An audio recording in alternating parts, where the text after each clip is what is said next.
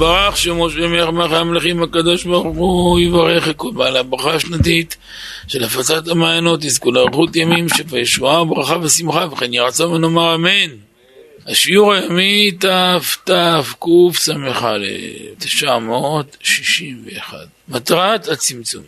והנה לשונו הקדושה. פרטיות אופן הצמצומים איך ומה אין כאן מקום ביאורם לגדולו עולם רבים לא היה קל להבין את מהות הצמצום שהביא רבנו הרי לצורך זה כתב רבנו בעל התניא את השאר הייחוד והאמונה שכל יש 12 פרקים שמסבירים עניין זה. ושם הרב כתב דברים עמוקים מאוד, על מנת לתת תשובה לכל הטועים בדבר. זה הוא כתב במפורש בשערות באמונה בפרק ז', לשונו הקדושה, שימו לב.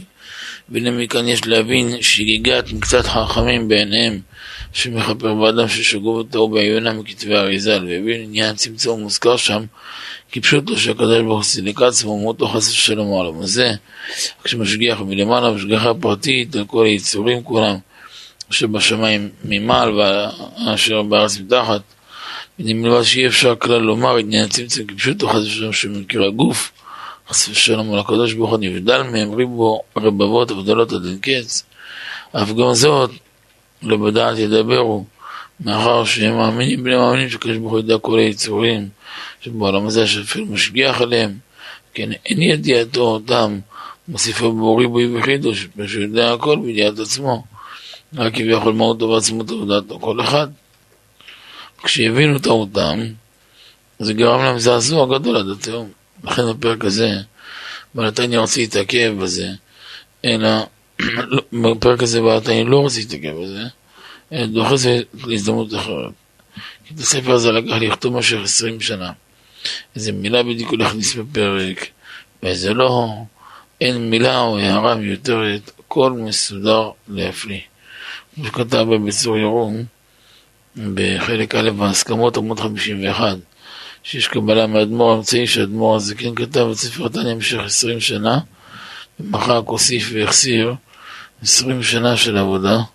דקדק, דקדוק רב על כל אות ואות כמו שמספרים בחסידים שרבנו הזקן התעכב בתחילת פרק מ"ב שבועות רבים לכתוב ששבעה תורים ממשיכים בחיות ואלוקות לכללות נשמות ישראל או לכתוב חיות אלוקות בלי ו' של ואלוקות. בסוף החליט לכתוב חיות ואלוקות. ככה עשה, כשזיגק את הספר בחסר ויתר, רק לאחר מכן את רשות העתיקו להפיצו ברבים. את השולחן ערוך זה דבר הצוף לקח לו עשר שנים לחבר אותו. כשמחברים שולחן ערוך, פירוש של דבר שמקיפים את כל הש"ס הפוסקים. אבל ספר התניא כאמור לקח לחבר עשרים שנה. לפעמים הרב כותב מילה אחת, הוא מפסיק, הוא אומר עכשיו אני הולך להתבונן, מה אני אעשה? וככה עברו עשרים שנה לכתוב חמישים ושלושה פרקים. להבדיל, בעבר היו סדרות תפילות שרצו לחסוך בהוצאות הדפוס. אז יעלה ויבוא, לא רשום כל תפילה, עיין בעמוד זה וזה. על הניסים, עיין בעמוד זה, שלא אמרתי סייני, זה וזה. היית צריך ווייז בתוך הסידור. היית צריך כל הסידור, כל התפילה, לטייל בין עמוד לעמוד, כך שהייתי ילד זה מה שהיה. היית מתפלל בסידור אחד, צריך לעבור עשרים מקומות בתפילה. אתה מגיע לקריאת שמע, קריאת שמע בעמוד זה. הוא אומר קריאת שמע ואמונה בעמוד זה. אלא עמוד לעמידה, עמוד פלוני. מה כתוב לעמידה של מלחמה? לא חבל? כל מיני לא חבל, קמצנות. הארורה הקמצנות הזאת. היו דקדקים בכל הפינות שרק אפשר. לא צריך ככה. אני למדתי שבאותה מידה שאדם מודד בה מודדים לו. אדם שהוא לארג', הקדוש ברוך הוא לארג' איתו, פשוט מעבו כמונה, יישאר ככה. הוא, הוא לעולם ייתקע בזה. אדם תוקע את עצמו, לא הולך ולאף אחד תוקע אותו. אדם תוקע את עצמו ולאף אחד. אני לא מאמין זה, עשו לו עין הרע, עשו לזה, כל זה שטויות והבלים. שטויות, אני אומר לכם, לא מאמין בשום השטויות האלו. לא צריך בהם. כתוב בכף החיים, מה דלקה פי דלקה בדין בעדה. צריך להתאפס על תרי"ג מצוות. תדקדקו כל שסה להבין, לא לפספס כלום. כל הרמ"ח מצוות תעשה, לא לפספס כלום. לדקדק כל מצווה בתכלית ההידור. מי שעושה מצוות ונשמר מכל זיק של עבירה, אף אחד לא יכול לגוע בו. ודבר נוסף, תהיו פזרנים גדולים. פזרנים בצדקה, תהיו פזרנים בלי גבול, בלי גבול. ותכבדו את נשותיכם יותר מאישון העיניים שלכם. מה שאתם לא מכבדים ספר תורה בהיכל, תכבדו אותה. איך שהיא, כמו שהיא, תסבלו אותה איך שהיא. תגידו כמו שאני סובל אותה, שמסבול אותי והכל בסדר. אין אישה בלי קריזות, אין אישה בלי מצבי רוח, אין אישה שאין את, התרבלה שלה, את הסיבוב שלה, הכל בסדר.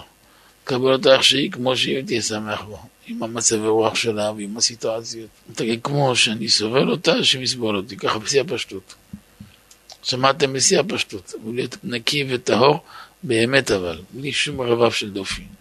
אל תיתנו לשום מסך שיבדיל ביניכם לבין קודשא בריך הוא, ביניכם לבין השכינה הקדושה. שתמיד שתרצו את הקדוש ברוך הוא טרם יקראו ואני אענה. עוד הם מדברים ואני אשמע. אם התלהלכתם, איך הוא יענה לכם? איך היא תקשורת? אל תהיו מלוכלכים אפילו שנייה בחטא, ותעשו צדקה יותר מכפי כוחכם. הכוח שלך אלף תעשה חמשת אלפים, יותר מכפי כוחכם. לא כפי כוחכם, יותר מכפי כוחכם. מה שאמרו מבזבז זה לבזבז יותר בחומש, אומר בעלתניה שחטא מימיו במחשבה אפילו. אין חשש בדור הזה לאף אחד כזה, הכל בסדר. כל מה שתעשו בכל אשר לאיש, תהיה מעד נפשו. תכבדו אותה, תסמכו אותה. גם אגיד לכם עוד מילה טובה, המלצה טובה לחיים, אל תעירו לה על כלום. היא נטלה ככה או ככה, עשתה ככה או ככה, הכל טוב, הכל בסדר. היא נושמת, מחייכת, הכל טוב. זה. מה שתעשה טוב, אתה תדקדק כל מה שאתה רוצה עם עצמך. תדקדק עם עצמך מאה שערים, אל תעיר לה על כלום. תכבד אותה, תפרגן לה, תשבח אותה, הכל בסדר. זו. כל השאר, ממילא קהתי. נכנסים את הלציציות עד שבסוף את ביתה. לא צריך להגיע למקומות האלו. יש דברים שלא מתעסקים איתם. וזה מאוד חשוב, אתה רואה את זה בדרך גישה בכל פינה בחיים. מישהו לארג' ופזרן, הקדוש ברוך הוא מפזר עליו. הקדוש ברוך הוא עושה לו. אני אגיד לכם יותר מזה. יש אנשים שכל החיים רודפים אחרי הכסף. אני אגיד לכם משהו יותר מעניין. אני ראיתי שאנשים שהכסף רודף אחריהם. אתם רוצים להגיד לכם את הסגולה? נכון. היום כל דבר עושים לנו קמיע, עושים משהו למכור לאנשים, עובדים על אנשים, כל השטויות האלו. אני אתן לכם ככה. אתם יודעים מה לעשות? למה יש אנשים רודפים אחרי כסף? יש אנשים כסף רודף אחריהם. הכלל הוא, מי שבורח ממנו, הוא רודף אחריו. כמו כלב, כשאתה רודף אחריו הוא בורח. כשאתה בורח ממנו הוא רודף אחריך. בדיוק ככה. אפשר לקבוע זמן שאדם יתעסק עם ענייני הפרנסה שלו. משעה X עד Y, הכל בסדר. דקה לא לפני, דקה לא אחרי. דקה אחרי, יש לי זמן בית המדרש. עכשיו זה הגיע זמן מנחה, זמן שיעור. שיעור תורה, ערבית. כמו שלא עוברים יום בלי אוכל, לא עוברים יום בלי לימוד תורה. אין דבר כזה. קמת בבוקר, יש לך מיליון דולר על הרצפה. אל תתכופף להרים אותם לפני שהתפלת שחרית. אל תתכופף להרים אותם. שמעו מה אמרתי להם. אל תתכופף להרים אותם. אל תזיז את הרגל בכלל. אפילו לדחוף אותם הצידה. לך תפלל שחרית. תפלל שחרית בנחת. תהי כולך עם השם שעתיים, שלוש. לימוד תורה, עכשיו לך, צא לדרך. מה שלא יעשו אנשים בחמישים שעות, תעשה ברבע שעה. כשיש לאדם קדושה, יש ברכה בזמן. כל הגישה שלו היא מאוד מאוד מאוד מכובדת. וקדוש ברוך הוא נוהג עם האדם באותה מידה שאדם נוהג. אדם קמצן, נוהגים איתו בקמצנות. תמר בו כמונה, נוהגים איתו בתמרות. ואדם פזרן, נוהגים איתו בפזרנות. הגמרא מספרת, בנביא מסופר, היה אדם קראו לו מיכה. מיכה הוא היה מאלו שהמצרים זרקו בתוך הטיט, יצקו עליו, והרגו אותו ביציקה. משה ראה את זה וכאב לו הלב. הוציא אותו מהיציקה, ביקש מהשם להחיות אותו. השם אמר לו, משה, למה לך? קוצים אני מחלם מהקרן. למה, ריבונו של עולם, אני אשמור עליו, אני ככה, אני ככה. טוב. אמרת אני אכבד אותך. הוציא אותו, החיה אותו. גדל צמוד למשה כמו בן של משה. הגיע יציאת מצרים, משה מחפש ארון שיוסף לא מוצא, הלך כתב שם קדוש, איזה ייחוד עשה, וזרק את זה ליאור, צף מיד ארון של יוסף. הרים את הארון, לקח אותו, מיכה הרים את הטס הזה שם קדוש, שם, שם בכיס. עברו ימים, הגיע הניסיון של העגל. זרקו כל אחד זהב וכולי וכולי, בא מיכה זרק שם קדוש, נעשה עגל. איזה שם קדוש זה היה לו. כבר פגם ראשון שעשה איתו. שמר את זה אצלו. הוא האריך ימים המיכה הזה. עבר הזמן, נכנסו לארץ. והוא האריך ימים הרבה. יום אחד הוא הקים בית עבודה זרה. בית עבודה זרה. והיה עושה קטורת לעבודה זרה, והיה קטורת עולה עמוד העשן שלו כמו סרגל, כמו שבית המקדש. כל רוח שבאה לא מזיזה את העשן שלו, כמו עמוד, ככה, של חברת חשמל. קיטרוג גדול מזה. אמרו לו הקדוש ברוך הוא, למה אתה מחיה אותו? למה אתה עושה ניסים אצלו? אמר להם מילה, משפט אחד, פתאום מציע עובר דרכים. הוא מפזר צדקות בלי סוף. הוא מחלק בלי סוף לאנשים אוכל, כסף, מפרנס אותם בחינם. הוא רשע, נכון, הוא רשע, אבל כולו צדקות. בשביל שכולו צדקות, אני גומר לו חסדים בלי סוף. הוא האריך ימים הרבה. הגיע, הגיע דוד המלך יום אחד, רואה אותו. מיכה, אתה מיוחס למשה. מה, כמה, למה, ככה. מה הסיפור שלך? הרי אתה ראית מתן תורה, ראית איזה, מה, מה, מה העבודה הזו הזאת? שמע, אני מת על כסף. אתה אוהב כסף? מה הבעיה? מוסיף אותך שר אוצר שלי. ואז הוא סגר את כל העבודה זרה, ועשה תשובה שלמה, שבואל. ושישב לאל בכל הלב. והיה מנהל כל הכספים של דוד המלך. היה אוהב לספור כסף. העסיק אותו 24-7 לספור כסף. קח הכל שלך, מה? דוד ידע את השפה שלו. ואתה רואה, אפילו אדם שהוא כמו גוי, ברגע שהוא פזרן, כבר נמחלים לו שני שליש מהעוונות שלו. זאת ועוד, כתבנו במקום אחר בחלב הארץ, בשם הספר הקדוש קו הישר, שיש אנשים שהם קמצנים. הבעיה בקמצן זה לא הקמצן. הבעיה אצלו שגם הוא לא יכול אפילו לעצמו ליהנות. תראו, האנגלים, איזה קמצנים. אפילו לעצמם לא יכולים. יכול להיות לו עשר מיליארד דולר בחשבון. מיליארד, לא מיליון, מיליארד. ותראו אותו חי כמו עני שבעניים. אתה יודע מה, קצת ברווח תחיה, קצת אוויר. לא, חבל. מה אתה עושה בזה? אתה יודע מה, לפחות שיפזר צדקות, ייתן לאחרים. הוא לא יכול, זה תקוע. למה זה ככה? אומרים המקובלים הקדושים, שאדם נהיה קמצן, קמצן גדול, יש שלב שהשדים מקבלים רשות, משתלטים על החשבון שלו ועל הכסף שלו, והם שולטים על זה. אז הם נהנים מזה לעצמם, והם לא נותנים לו. רואה אצל אנשים כאלו, שאפילו לעצמו הוא לא יכול. עם זאת הוא מקרטע, צריך עבודת מידות להיכנס שם בכלל. הוא התמודד עם הכל. למה? כי חבל, כל שקל, כל אגורה, חישוב. יש אנשים שאחרי השתבח שמו הכל טוב. מי שמגדיל ראש, באותה מידה מגדילים איתו. תזכרו את זה, תלכו עם זה. בפרט לדעתי בענייני הבית. אישה גם ככה חיה בתוך בועה של צמצומים. אין אישה לא בצמצומים. אם אדם לא יודע להיות נדיב לב, לארץ', בעל עין טובה, איך אפשר לחיות? אי אפשר אחרת. לא משתלם להיכנס לסירה הזאת. תזכרו, הקמצנים אוכלים אותה כפול. יותר מזה, הניסיון מוכיח אבא פזרן, בעל פזרן, תרצה לא תרצה, נהיה מגנט לכל הסביבה. אדם קמצן, אי אפשר בלעדיו, אי אפשר לחיות איתו. גם בדרך כלל אנשים ביקורתיים מאוד, שמאוד מאוד דוקרנים. מאוד מאוד דוקרנים. אה, הגיע אליי מקרה, אדם אחד,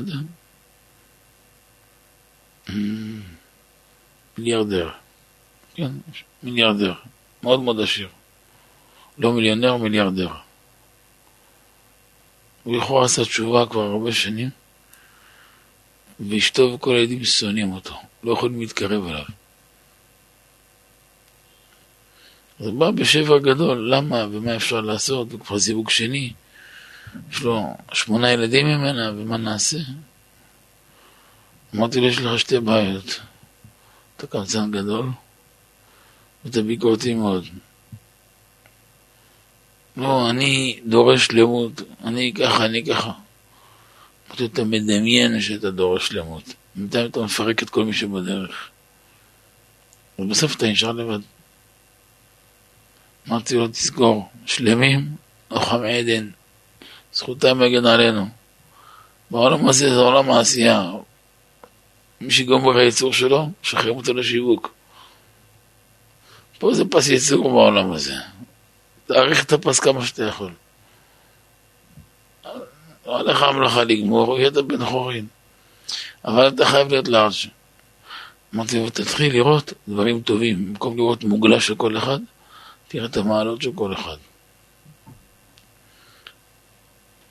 ונראה לי שזה מפתח של הכל. זה מפתח של הכל.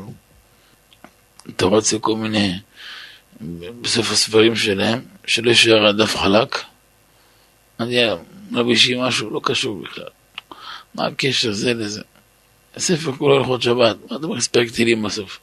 שלא יישאר דף חלק. אז יישאר דף חלק, מה הבעיה? אצלי שהדפסנו אותה בצור ירום החוברות, אז לפי שיעורים. פתאום יש גיליון, זה גיליון, יש לך 32, 16, אתה לא יכול לשחק איתה. מה נעשה עמודים חלקים? אותי, מה הבעיה? מסקנות, מה? למדנו ספר שלם מה המסקנות, יש לו כמה שורות לכתוב, מה הבעיה? אז יופי, מה הבעיה? נשאר כמה דפים חלקים. מה חסר מסקנות? מי שכבר הגיע לדפים החלקים האלו, הוא ימלא אותם. פה למד מוסר השכל, פה למד ככה, פה למד ככה, מה הבעיה? והנקודה הזאת היא נקודה מנחה. מערב, אבל פה בלתניא קיצר לא מחדש שלו מקמצנות, הוא לא מאוד מקמצנים על הנייר ועל הדף, אלא כל מה שהוא קיצר כיוון שכל מילה אצלו שכולה מדודה כאמור, לכן הוא ראה נכון לקצר. למרות שמי שבאמת נוהג בדרכה של תורה, רק פזרן נדיב ולארג' גדול. זה אין כמו להיות בעל נתינה. אין כמו להיות בעל נתינה. אחד אומר, שמע, אם השם רוצה שנהיה בעל נתינה, שלח לי הרבה כסף, אני אהיה בעל נתינה. בוא נגיד לכם. אלה שאומרים ככה הם לעולם לא יהיו בעלי נתינה. יש אנשים שאני יודע שאפשר למשוך עליהם ברכה ועושר הזוי. אני לא אעשה את זה. אתם יודעים למה? כי הם לא כלים. אדם שלא ידע לפרגן ולפזר, לא שווה להשקיע בו. לפחות בעיניי. לי, אני מרגיש, לא, אדם שלא ידע לתת, לא שווה להשקיע בו. לא שווה, זה ברכה לבטלה, זה... מי שלא בעל נתינה, צריך לחוש אם הוא מזירה ישראל. שלושה סימנים בו מה זו? הרחמנים, ביישנים, גומלי חסדים. מי שאין בו את הגומלי חסדים, אין בו את הפזרנות הזאת לצדקה ולחסד, יש לחוש לאבותיו. אולי ישתרבב מאיזה, מאיזה מקום, מאנשהו. יום אחד הייתי בקבלת קהל. בא אדם אחד, ביקש ברכה לבת שלו. הסתכלתי עליו, שאלתי אותו, אמר איזה שם? שאלתי אותי, יהודייה? אמר לי, בטח, מה, אתה לא רואה שאני חרדי? אמרתי לו עוד פעם, הילדה הזאת יהודייה? אמר לי, הרב, בטח. אמרתי, איך בטח? היא הבת שלך? כן. מאיזה גיל היא הבת שלך? שאלתי אותו. אמר לי, מי הגיע? עשרה חודשים. יופי, ולפני עשרה חודשים, איפה הבאת אותה? אה, היה בית יתומות, בית יתומים ב... ב... לא גרמניה, ב... שם, לא אוקראינה, לא רוסיה, מה זה שם? נו. במדינה שם, בול, בולגריה, אני חושב. בית יתומים בבולגריה. אמרתי לו, ומה עשית בגיור שלה? כן, הטבלנו אותה, בגיל עשרה חודשים, יש כללים, יש לי רצונה, ויש ככה, ויש מה רוצה אני, לא מה רוצה אני. אבל עכשיו יכול אמרתי, אז קודם כל בואו נברר דברים יותר חשובים בשבילה, שלא תצא מהעולם ככה, כל מיני בעיות. אז כשהוא יצא, אז אחד מהמזכירים שואל אותי, הרב, מה, מה היה כאן? ולמה הלכתי לכיוון הזה? אמרתי לו, אתה רואה בעיניים של האדם שיש לו בעיה בשורש שלו. אני אומר לכם, מישהו לא בעל נתינה, יש לו בעיה בשורש. הכוח של הדור שלנו זה הנתינה שלו. אין דבר כזה. אפשר להיות מחושב, אבל לא קמצן. כמו שאמרתי לכם, מותר להתלבט, אסור להסתפק. הקטע הזה זה קטע שאסור לפספס בו. כמה שתהיה פזרן, רק תרוויח, זה רק רווח שלך. אישה שבעלה מפרגן, תהיה נאמנה לו, אין מה לעשות. אפילו במקום עבודה, תראה, בוס, בעל הבית שהוא לארג' וזורם עם אנשים. מה שלא תרצה, הוא יצליח, אין מה לעשות, חייב להיות בזמן. חלק מהחיים, אין מה לעשות, חלק מהגלגל.